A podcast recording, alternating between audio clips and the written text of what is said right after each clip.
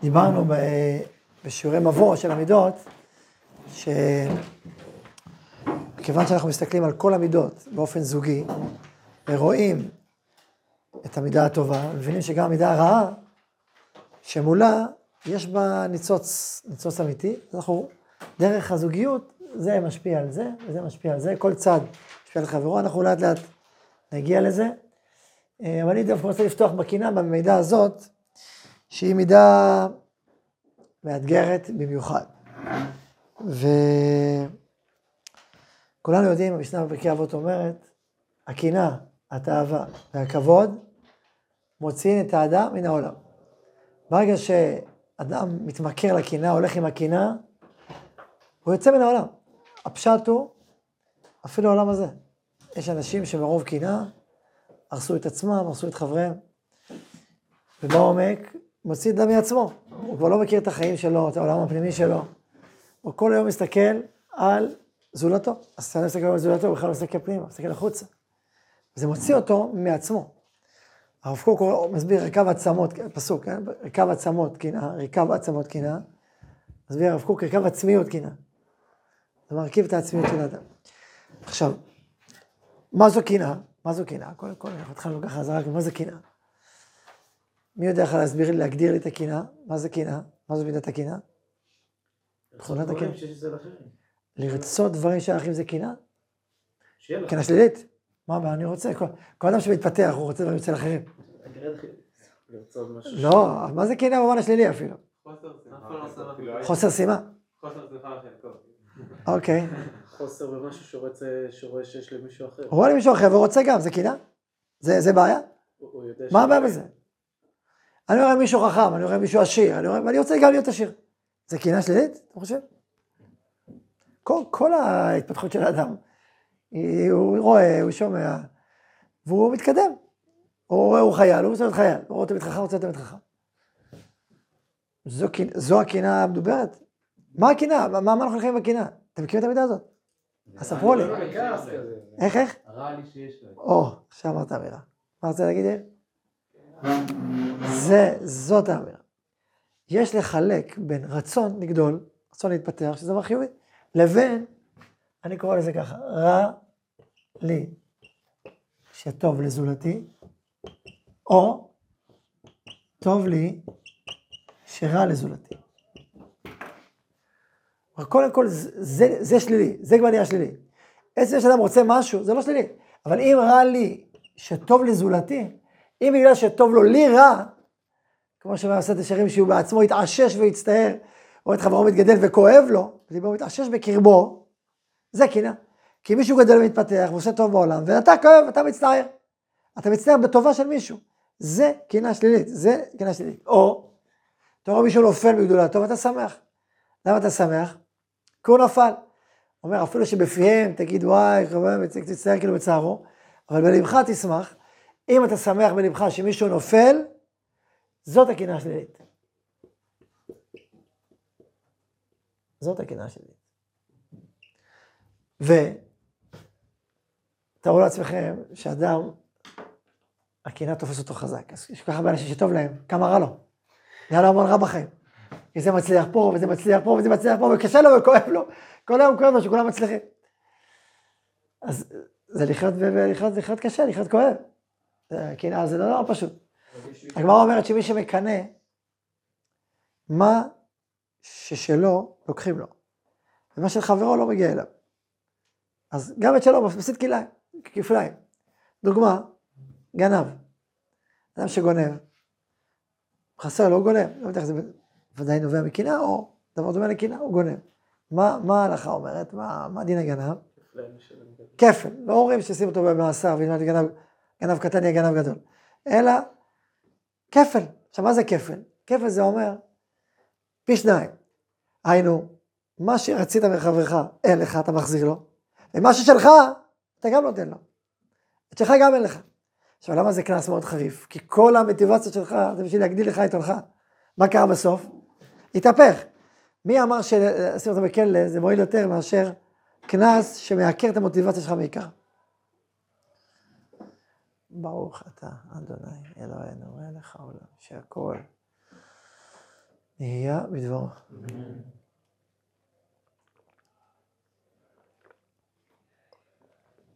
תודה רבה, נתן. נתן.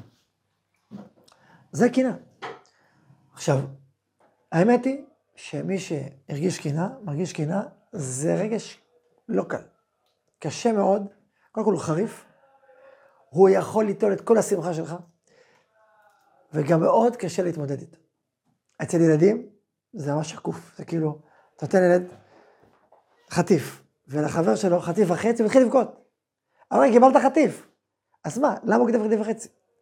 הוא התחיל לבכות, מה אתה בוכה? איפה החצי הזה? אתה רואה אותו עכשיו, נגיד אחרת, ככה חטיף הוא שמח עד הגג? מה, מבסוט וזה וזה. נותן לילד שלו ליד, לאחיו לידו, חטיף וחצי, פתאום התחיל לבכות. מה, מה, לקחנו לך את החטיף? לא. הוא שלך, כמו שהיה, למה פתאום אתה בוכה? מה קרה? למה לא יותר? וזה חזק, זה עוצמתי, אפשר לריב מריבות עד השמיים. לא יותר. חז"ל אמרו אמירה מאוד אה, חריפה. חז"ל אמרו, בשביל משקל, לעולם הרב, לעולם אל אמרו הרב, לעולם אל ישדה אדם בינו ובין הבנים, כי בשביל משקל שני סלעים מילת, שיוסיף יעקב ליוסף, מתגלגל הדבר, וירדו אבותינו למצרים. מה זה שתי סלעים מילת? כתונת הפסים. הוא קיבל כתונת פסים שמבטא את העדפה שלו על אחיו. אז אותה העדפה שהתבטאה בכתונת, היא גרמה את המכירה והיא גרמה את גלגול אבותינו למצרים. עכשיו כמובן מצרים היא גזירה קדומה שבין הבית"רים, אבל עדיין כיוון שזה התגלגל באופן הזה, אז זה נחשב שבגלל זה נוצרה אותה קינה, ויקנו לך ולא יכול לדבר לשלום, כן, פרשה הבאה. אתה רואה את כל, ה, את כל הקושי הגדול, את כל ה... שהתחיל מהעדפה מסוימת, אבל אתה גם הבן, כן, אבל הוא יותר. היותר הזה, ויקנו בך. ראינו, וכן יחלב לאחותה, ראינו, בשבוע שעבר.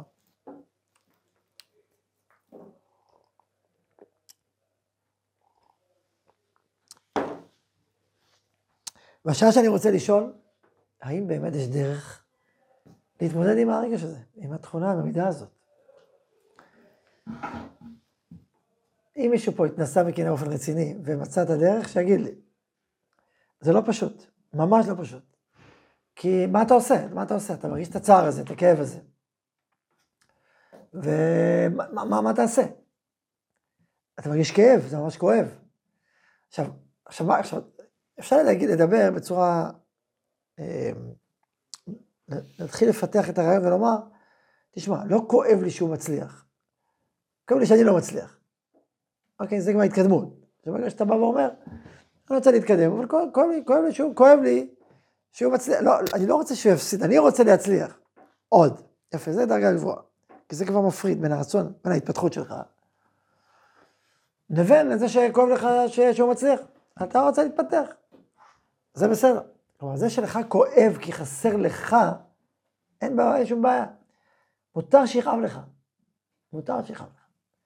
אבל זה ש, שאתה רוצה שלא יהיה חסר, זה הבעיה.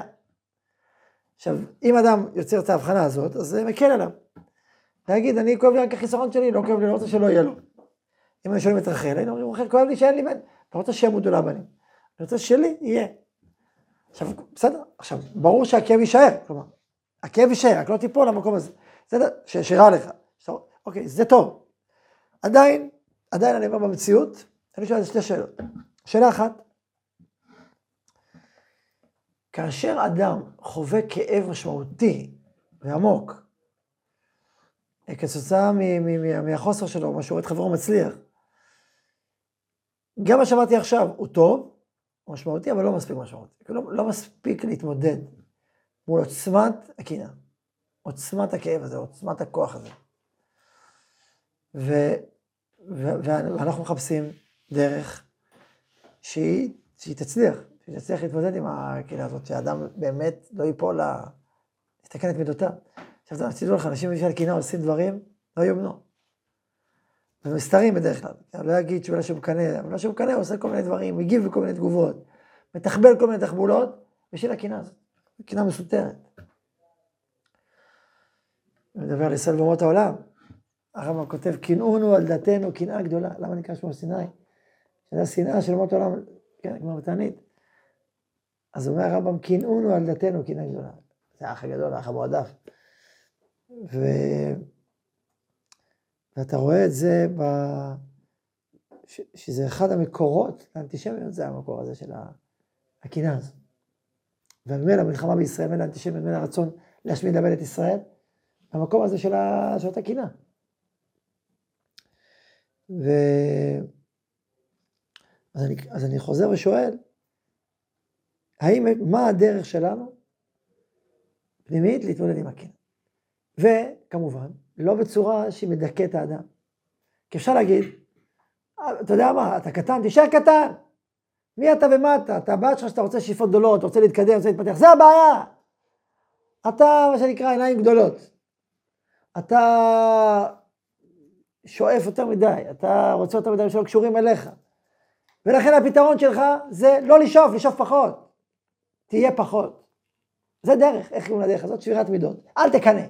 אל תקנא. לא, אתה אומר אל תקנא. זה אומר אל תקנא, אני מפסיק לקנא. קודם כל זה עובד. זה עובד, כשאומרים אל תקנא, זה עובד. דרך שבירת המידות הקלאסית לא עוזרת, לא עוזרת. מה אומרים? כן, אומרים לך, תשמע, תבטח שאין אדם נוגע כמו עשת ישרים, אין אדם נוגע מוכן לחברו אפילו כמלוא נימה. הגמרא היסודית, מסכת יומא, מה אומרת? גמרא יסודית, צריך לדבר עליו בשיעור, בשמך יקראוך, במקומך ישיבוך. אין אדם, אין, מלכות נוגע בחברתה, ואין אדם נוגע מוכן לחברו, אפילו כמלוא נימה. אל תדאג, מה ששלך, שלך. אל תדאג. עכשיו, אני מסכים שאם אדם הוא מלא ביטחון באלוקים ממש, הוא אומר, זה מה ששלי, הוא יכול להגיע לדרגה גבוהה בהתמודדות עם קנאה.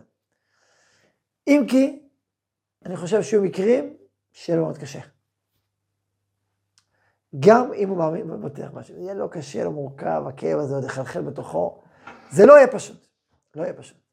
ואנחנו שוב מחפשים דרך שורשית ועמוקה, בלי דיכוי, בלי לדכא האדם, בלי, בלי, בלי להקטין אנשים, בלי לדכא אותם, בלי לקצץ את כנפיהם.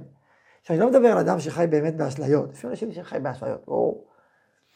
אז לפעמים צריך לאפס אותו קצת, זה אני מבין, אבל אדם שלא חי באשליות, פשוט רוצה לגדול. וגם מי שחי באשליות צריך חוכמה איך.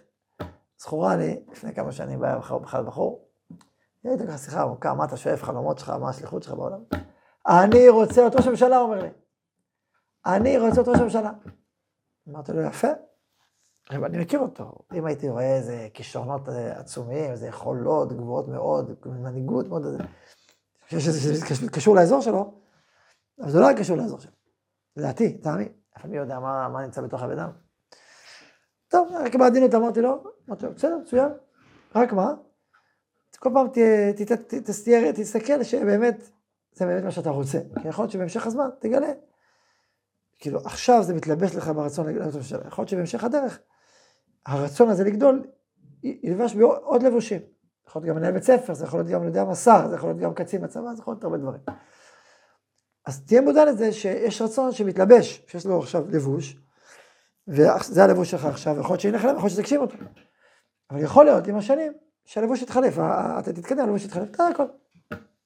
וזה השארתי אותו ככה בעדינות. עברו שנים, הלבוש התחלף, גדל, התבגר, התקדם, עושה לעשות דברים חשובים בישראל, לא ראש הממשלה, אבל התקדם. עכשיו היה אפשר לשבור אותו, זה לא, בדרך כלל אני לא בדרך כלל אוהב את הדרכים של השבירה, כי הוודאי זה השבירה והספק זה הצמיחה. ואין ספק מוציא מידי ודאי, אתה מבין? שברת, שברת, הצלחת להצמיח אחר כך? לפעמים, אני אומר, לעתים נדירות צריך לשבור בשביל לצמוח. אתה אומר, בן אדם שהוא כל כך אטום, כל כך סגור בתוך עצמו, כל כך מלא בעצמו, שהוא לא מסוגל לגדול, רק אם לשבור אותו קצת, משהו יתפתח שם. אז לפעמים צריך לעשות את זה, זה מיעוט האנשים. רוב הדעה, אני לדעתי, לא צריכים לשבור אותה. צריכים להצמיח אותה, לגלות אותה. לפעמים טיפה נזיפה פה, נזיפה שם, בסדר, בקטנה. אבל לא עם איזה לאוויור כזה, אתה, לרוב האנשים. אז אני חוזר ואומר, שאדם, אם אתה לא בא בדרך של דיכוי, בדרך של שבירה, וגם היא לא מועילה, היא מועילה מאוד חלקית. היא מועילה חלקית. אז השאלה חוזרת, אני חוזר לשאלה המרכזית בעצם של השיעור הזה, מה היא הדרך העמוקה, הפנימית, להתמודד באופן אפקטיבי עם המידה הזאת? זו השאלה הראשונה. ועכשיו אני פונה לשאלה השנייה. השאלה השנייה מתחילה מתוך ההבנה שלא ברא הקדוש ברוך הוא בעולמו, שום דבר לבטלה, ככה אומרים חז"ל. אנחנו יודעים, אין דבר הרי מלמעלה. הקדוש ברוך הוא לא ברא שום דבר לבטלה. לכל תכונה, גם אם היא שלילית, יש תפקיד. נכון, דיברנו על זה בהרחבה, העלאת המידות, כל סוגיית העלאת המידות בעצם אומרת, כל תפיסת המידות, חלק בחסידות, אבל לא רק בחסידות. השלה למשל אומר ש... עבד השם לוקח בכל לבבך, מה כתוב, אומרת הגמרא במסכת ברכות. בכל לבבך, משני יצריך, ביצר טוב, ביצר, גם צריך לעבוד את השם גם ביצר רע. לא יכול להיות יצר רע. שאלה, נכון? ומה זה אותו יצר רע? זה גם שאלה. אם נגיד שהקינה היא יצר רע, ככה באופן, כללי. כחלק מעולם המידות הרעות שהם, יש בהם יצר רע. אז, אה, אז גם הקינה, צריך לעבוד את השם בקינה. איך לעבוד את השם בקינה? שאלה, נכון? מה רגילים להגיד? איך לעבוד את השם בקינה? קנאת סופרים. קנה לאשתו. זו שאלה נוספת, האם הקנאות, או אדם שמקנא לאשתו, זה קשור לקנאה? זה לא אותו דבר. אתה לא מקנא בה. אתה לא מקנא בה. נכון? אתה מקנא לה. לא? אז עכשיו ברור, מצד שני אני מסכים איתך לחלוטין, שאם יש אותה מילה בעברית, שפת הקודש, ברור שיש קשר, אחרת לא יכול להיות שהתורה תשתמש באותה מילה, זה לא צריך להיות אותה, אותה משמעות, אבל יש קשר בין המשמעויות. אחרת התורה לא יודעת באותה מילה. לכן באמת צריך להעמיק כל מושג הקנאות, ולקנות ל, ולקנות להשם. כל מושג הקנאות אלקנה. כל המושג הזה, להבין את הקשר וההקשר הפנימי שלו לעולם של הקנאה. צריך בהמשך הדרך. אבל בינתיים אנחנו לא מחברים את המרחב הזה, בינתיים אנחנו נשארים במקנא ב ולא מקנא ל. אז כשאתה מקנא ב... אז אם התחלנו להגיד מקודם, אמרנו, הקדוש ברוך הוא לא ברא דבר לבטלה, ולא רק זה, צריך להיות השם עצה. אז, אז מה התפקיד הגדול, העמוק, היסודי של הקנאה? עכשיו, התשובה צריכה להיות, חייב שימו לב, לחומר השאלה, התשובה צריכה להיות באותה רמה לפחות. אתם מבינים מה אני אומר? מה הכוונה? כשאתה מוצא בעצמך איזשהו דחף, שהוא לא כזה חזק, הוא בינוני ומטה. אז גם התפקיד שלו צריך להיות ברמה הזאת, החיובי שלו. אבל אם אתה רוצה דחף אכבר, דחף, דחף חזק, עוצמתי, אז התפקיד שלו חייב להיות לפחות ברמה של הדחף הזה, אחרת מה? אז זה, זה הקליפה, יש הפרי, בסדר? הפרי צריך להיות בעוצמה הפנימית, בחשיבות הפנימית של הדחף החיצוני. לא יכול להיות שהדבר החיצוני יהיה מאוד מאוד חזק, והפרי, הדבר הנכון, התפקיד הנכון, יהיה מאוד חלש. זה לא מתאים. אתם מבינים מה אני אומר? דוגמה, קחו את התאווה, קחו את, את המשיכה בין איש לבין אשתו. המושג של תאוות תמיד, תאוות נשים, כל הסיפור הזה, זה דבר חזק, מאוד חזק. אז זה צריך להיות עם שליחות ברמה הזאת. מסביר הרב זכר צדיק לברכה, שלמה זה כל כך גדול באדם? כי זה בעצם בונה את כל הדורות העתידיים. הרי החיבור הזה בעצם שהוא מביא את הדור הבא. כל עולם המשפחה, והדור הבא מביא דור הבא. אז הוא אומר, כל שאיפת הנצח, כל הרצון, כל הצורך, כל החשיבות, כל השליחות, להביא עוד דורות ולתקן את המציאות. ושאדם רוצה בעצם להמשיך הלאה, את כל הדורות הלאה, הכל נגנז בעצם באותה משיכה, באותה תאווה. התאווה הזאת גונזת בחובה את אותו השליחות האדירה, להקים משפחה, להביא ילדים לעולם, להביא ילדים לעולם. אז זו, זו שליחות מספיק חשובה, שהדחף החיצוני, השליח החיצוני, יהיה משהו, משהו כביר. מבינים? זה צריך להיות הולם. עכשיו ממילא, כשאתה מבין את העומק ואת המשמעות ואתה מחובר אליה, אליו, זה סיפור, סיפור חדש לגמרי. אתה מסתכל על כל הסיפור אחר. וזה, זה בעצם השאלה השנייה. אז מה הדבר הגדול המרכזי? עכשיו אני כבר מגלה לכם את הסוד, אתם מבינים? שאם אנחנו נותנים תשובה טובה לשאלה השנייה, יכול להיות שאני גם תשובה טובה לשאלה הראשונה. והקריאה באתליה בסוף. למה קשה לה להתמודד? כי זה, עצמת, זה עוצמתי. אז אם אתה מוצא את הפרי, את העיקרון, את החידוש, את היסוד, החיובי והנכון של הקנאה, אז ממילא אם אתה מתכוונן אליו, אז הרבה יותר בקלות אתה משיל את הקליפה, שכל העצמה אינה רק משהו שהוא, שהוא חיצוני. אתם מבינים? האם זה פשוט? לא. זה מסלול, אני אומר מראש. זה מסלול לעבור, אבל אם זה אפשרי, אתה חשב, כן, בשביל מה אנחנו פה? נכון? עשר דקות, ונתחיל כבר? נתחיל. בלי נדר, בשבוע הבא אנחנו נלמד אה, אה, סעיף בעין היה, שעוסק על יוסף ואחיו, זה גם אה, בין הפרשות. ודברים נפלאים של הרב. אני עכשיו אגיד יסוד, עשר דקות, תמצת אותו בעשר דקות. ולגודל עוצמתו ויופיו וחשיבותו של היסוד הזה, אנחנו נלמד דברי הרב ואין היה על יוסף ואחיו, ונראה כמה קילומטרים הרב הלך קדימה עם היסוד הזה, וכמה משמעותי. אז אני רוצה לומר עכשיו את היסוד. היסוד החיובי של הקנאה, רמז עליו מקודם, זה ברמה הפשוטה, אחרי זה, כאילו, בשלב ראשון, זה הרצון להתפתח. אומר, אומר הפסוק, ראיתי כל עמל האדם, עמל המעשה, כי קנאה תשמרהו. הקנאה זה הרכיב שמאיץ את כל ההתפתחות האנושית. מי שמאוד uh, פיתח את הרעיונות האלה, זה במאה השנים האחרונות, כל הנושא של קפיטליזם מול הסוציאליזם. שתי תורות כלכליות. הסוציאליזם אמר, תעשה כפי יכולתך, ותקבל לפי צרכיך. מכירים את המסיסמה הזאת? יש קיבוץ, יש, אתה מכניס, כל אחד זה מכניס, זה דייג, זה סולל כבישים, זה מורה. כל אחד מקבל משכורת, שם אותה בקופה של הקיבוץ, וכמה אתה מקבל? מה שאתה צריך, יש לך שבעה ילדים, אתה מקבל אה, אלפיים. ילדים בכל מקרה ישנים בבית ילדים, אוכלים בחדר אוכל, אבל עדיין צריך את זה, אוקיי, אתה מקבל אלפיים. לך שתי ילדים, אתה מקבל אלף אלף. אתה, אתה בגיל 90, אה, אתה אוכל פחות, אתה מקבל 500. אבל מה שאתה צריך יש לך. למה צריך יותר? מה שאתה צריך אין לך. אז עשה כפי יכולתך, וקבל לפי צרכיך. זה אוטופיה, זה כאילו, וואו. אה, האם זה הצליח? לא הצליח. למה? כי אדם אומר לעצמו, למה שאני אשקיע? לעבוד קשה להרוויח הרבה, מה שאני אשקיע להרוויח פחות, מה? אז אין, אין לו תמריץ. לא תמריץ. זה מה שקרה ברוסיה הגדולה, שניסה לעשות את זה ברוסיה, מאות מיליונים. חינוך חינם, רפואה חינם, זה חינם, זה חינם, תעשה מה שאתה יכול, תתרוא, הכל מולאם, אין, אין רכוש פרטי. ואז אין עשירים אין עניים, כולם עובדים ומקבלים מהסוף, וזה מין צדק כזה, יש בזה הרבה כסף. הרבה מאוד יהודים נסחפו אחרי הרעיונות האלה של, של הסוציאליזם. כי זה גם מתאים בדברים מסוימים לתורה. אבל לא, התורה לא אומרת ככה. בסוף, התורה יש לה צד כזה. יש לה צד אחר שאומר, מה פתאום? יש, אה, יש עשיר ויש עני. קפיטליזם אומר הפוך לגמרי. הוא אומר, העשיר צריך להרוויח יותר. הוא צריך להרוויח, המנהל צריך להרוויח יותר, אבל לא פחות. ואני רוצה שירוויח יותר. למה אתה רוצה? כי הוא, עם הביצות שלו, יבנה מפעל שיעבדו בו 100 עובדים. עכשיו אם תגיד לו, אתה תקבל כמו כולם, הוא לא יבנה את המפעל. ואם עובדים לא יתחזק אותו, לא יתחזק אותו, לא יקדם אותו. אבל אם אתה אומר לו, אתה מקבל יותר, ולא רק זה, יש מפעל מתחרה לך, אתם רבים על הכיס, אז גם יותר נמוך התוצרים, גם, גם התוצרים יותר איכותיים, וגם יותר זולים, יותר זולים, וגם יותר איכותיים, כי אתה חייב להתקדם. אז אומרים, הפקידי זה בדיוק הפוך. אני מעודד תחרות, אני שובר את המונופולים.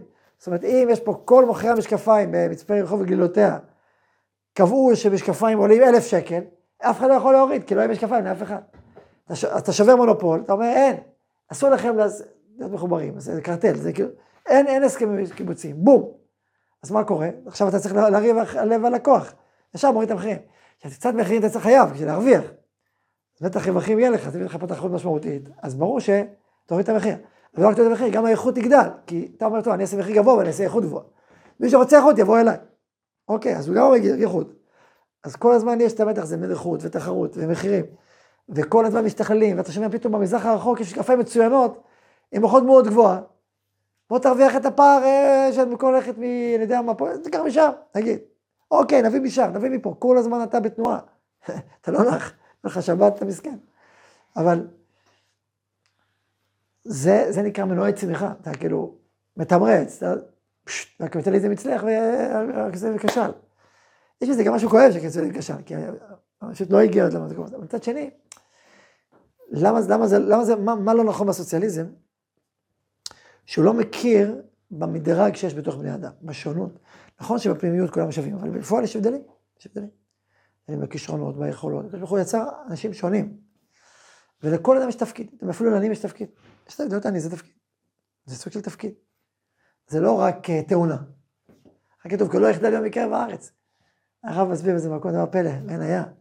למה זה נקרא גמילות חסדים? היה צריך להגיד נתינת חסדים, או הענקה, הענקת חסד, הענקת חסד. מה זה גמילות חסד?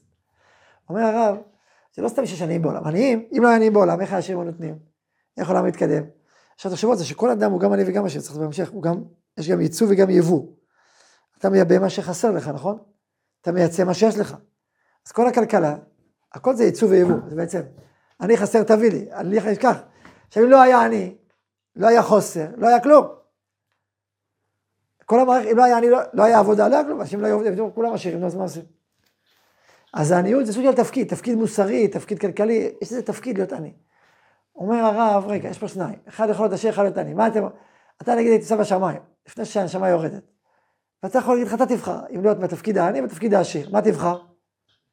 זה סתם עשיר, נכון? רובם יבחרו עשיר. אוקיי, מה יישאר לשני? עני. מי יסבול יותר? עני. אבל צריך, זה צורך החיים. הוא, הוא, הוא לוקח לעצמו את השליחות הזאת. אוי, אתה לא צריך לעשות לו טובה? צריך להכיר לו טובה או לא צריך לקרוא לו טובה? שהוא חייב לחיות עני? אוקיי, לכן תחזיר לו טובה דרך החסד.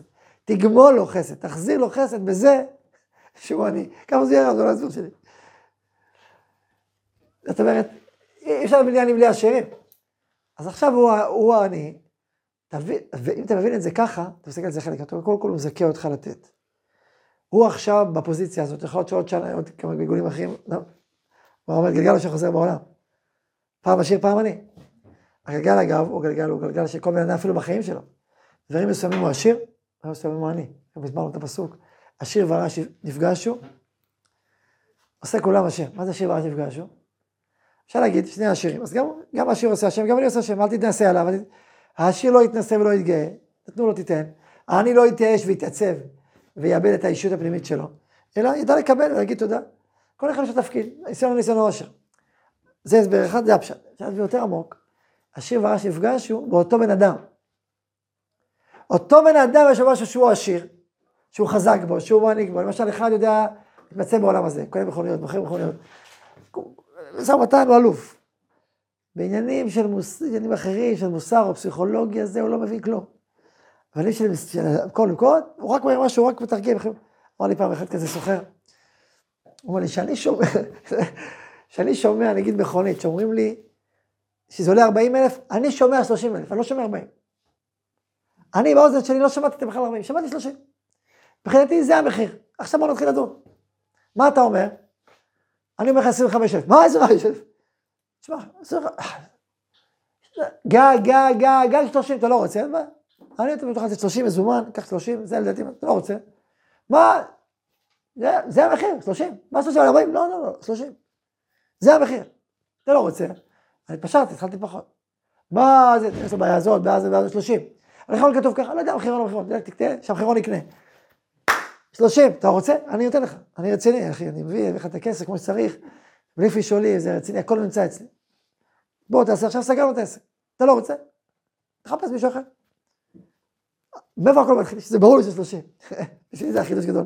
אומר 40, אומר 40. אה, 40, 35. 33, טוב, זה 34, יפה מאוד. לא, הוא לא... זה, זה תודעה פסיכולוגית, זה, זה סוג של חשיבה, יש אנשים שהם הם, הם, הם כמו, כמו פינג פונג. יש אנשים שכל המסחר זר להם, קשה להם איתו, קשה להם רגשית איתו, נפשית איתו, הכל... הוא לא רוצה לפגוע בהוא, ההוא קצת מצטער, אז הוא מצטער איתו, אבל שמע, זה, מה הוא... בסוף, נכון, יש כאלה עכשיו תחליף אותם, הוא פסיכולוגיה, בא למישהו בצרה, הוא מסביר לו, עוזר לו, מבין אותו מיד. השני סיני, לא מבין כלום, לא מבין מה שהוא אומר, לא יודע איך להסביר לו, נותן לו עצות גרועות. זוכר פעם שהייתי תוכנית רדיו, נסעתי ו... ואמרתי, שומע תוכנית רדיו, עצות ממאזינים למאזינים. משהו כאילו יצירתי, אתה יודע, לא עצות דרך יש מורחה. תגיד, אני נותן לך עצות. הפעם זה משהו חדש, עצות מאזינים למאזינים. טוב, אז בוא נשמע.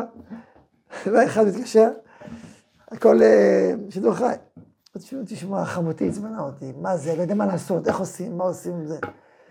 טוב, מה זה עניין? כן, גם לי זה קרה, גם אותי, אל תיתן לה, תגיב אותה מהבית, חייבים ללמד אותה, אחרת זה לא ילך, אני אומר לך בניסיון שלי.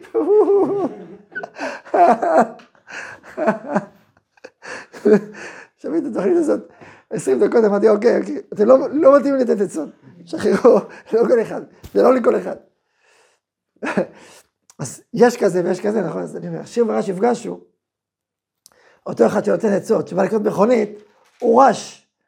הוא גם רש, גם משקים אותו, גם לא מדד שלהם. אז הוא צריך טעות שיעשה את זה. אז בא אחד ושני, הוא יודע למכור, הוא יודע לקנות, וגם אתה נותן לי, אתה תשאיר. עכשיו, אותו שסוחר, כשיש לו בעיה רגשית, או לבן שלו, הוא לא מוצא את הרגליים, אז הוא בא להוא, הוא אומר, תשמע, לא יודע מה תעזור לי, אני לא יודע מה לעשות עם הבן שלי, אני בעצמי, תן לי עצה, תן לי משהו, הוא עכשיו נהיה עני. אז אותו אחד, הוא גם עשיר וגם עני. וצריך לדעת איך להיות עשיר, ולדעת איך להיות עני. כל, כל, זה, כל זה תפקיד, זה פוזיציה, זה שליחות, זה, זה דרך. כל זה התגלגל, התגלגלנו מאיפה בא? סוציאליזם, קפיטליזם. מה הבעיה של הסוציאליזם? הוא לא צריך לראות את זה. הוא לא, כן, יפה. הסוציאליזם לא רואה שמישהו באמת יש לו איכויות יותר גבוהות בתחומים מסוימים. ונגיד הוא יודע לנהל, הוא יודע להנהיג, הוא יודע להקים, הוא יודע ליזום, השני לא יודע. אז למה שהוא אם הוא מקבל אותו דבר? כאילו אין לו, אין לו תמריץ, אין לו תמריץ. ברגע שהוא, בגלל שהוא יוזם, הוא מקבל יותר, אז יש לו תמריץ, התמריץ הזה, אז הוא בונה הרבה מקומות עבודה. אז כשתביא את העשיר, הוא בונה לך עכשיו שלושה מפעלים עם אלף מקומות עבודה, כולם נהנים. והוא גם, הוא מרוויח יותר, גם השכר עולה יותר. אז כל המשק צומח. לולא זה, זה צונח. זה, זה הקפיטליזם. לכן הוא תמיד נותן יותר לשוק חופשי, הוא נותן יותר לתחרות, הוא נותן יותר... מצד שני, יש גם תרומה של הסוציאליזם, או של התפיסה היהודית גם, לא להיות מה שנקרא חזירי, חזירי, שזה, אחד יש לו מיליארד והשני אה, צחצח נעליים. זה לא, זה צריך לאזן. התורה מה שאני עושה את זה דרך אה, יובל ושמיטה. שמיטה, נשמטים ברחובות, יובל חוזרים על קרקעות, הנדל"ן. מצד אחד יש צמיחה, מצד שני יש איזון. גם בישראל יש סוציאל דמוקרטיה, זה כאילו יש בזה גם מרחב סוציאלי, חינוך, חינם, תברואה, יש קבר חינם יש לך. רק זה יכול להיות בקומות, בסדר, אבל יש לך, כל אדם זכאי ארבע אמות. אז יש, אדם נכה, אדם זה מקבל ביטוח לאומי, סכומים משמעותיים, עוזרים לו. אמר לי פעם, יש, אמר לי, שמע, המדינה, אני כל כך מכיר לטובה, כל כך עוזרת לי, כל כך נותנת לי. בדור שלנו, זכותי, זכותי, זכותי, לא מספיק, אבל לא, הוא לא, הוא אומר, וואו, שמע, זה לא מובן מאליו, שכל כך מבקר המדינה ועוזרת לי, מלווה אותי, משקיעה בי. אז זה הצד השני, שזה איזון. אוקיי, וזה חשוב. אמ, על כל פנים, באופן מהותי, יש דרגות בעולם. אחד, שתיים, שלוש, זה לא אותו דבר, לא שוויוני. וצריך להבין את המשמעות של זה, ולתת, והעולם ככה צומח, אלא מה? צריך לדעת איך להיות מנהיג, ואיך לצמוח, ואיך להיות עשיר. זה החינוך של התורה. וגם איזון, איזון מדי פעם. טוב, התרחבנו הרבה. על כל פנים, הקפיטליזם הוא ראי לרעיון שהקנאה או התחרות או יוצרת התפתחות עצומה בעולם, במציאות ובאדם. אז קודם כל היסוד הגדול הוא ההתפתחות, אבל יתרה מזו, וזה כבר לא אסביר, רק אגיד את המשפט, אגיד את המשפט בלי להסביר אותו, ושיעור הבא נסביר אותו יותר. הקנאה, התפקיד שלה, יש לה שליחות עצומה. היא אחראית על זה שאדם ימלא את תפקידו בעולם הזה. אדם לא לעולם של תפקיד, כל אחד תפקיד יש לו שליחות. מי, מי יתקע לידינו שתמלא את השליחות שלך? זה לא פשוט למלא שליחות, נכון? אפשר להתבלבל. הוא אומר, אין בעיה, ניתן לך כלי מדהים, ניתן לך כוח מדהים. כן, הכוח הזה יהיה אחראי שתגשים את התפקיד שלך, זה האמירה, זה השורש. אז בשבוע הבא, נעמיק בזה, כמו שאמרתי, בניה. לפתח את הדברים שדיברנו עליהם עכשיו. ברוך ה' לעולם, אמן ואמן.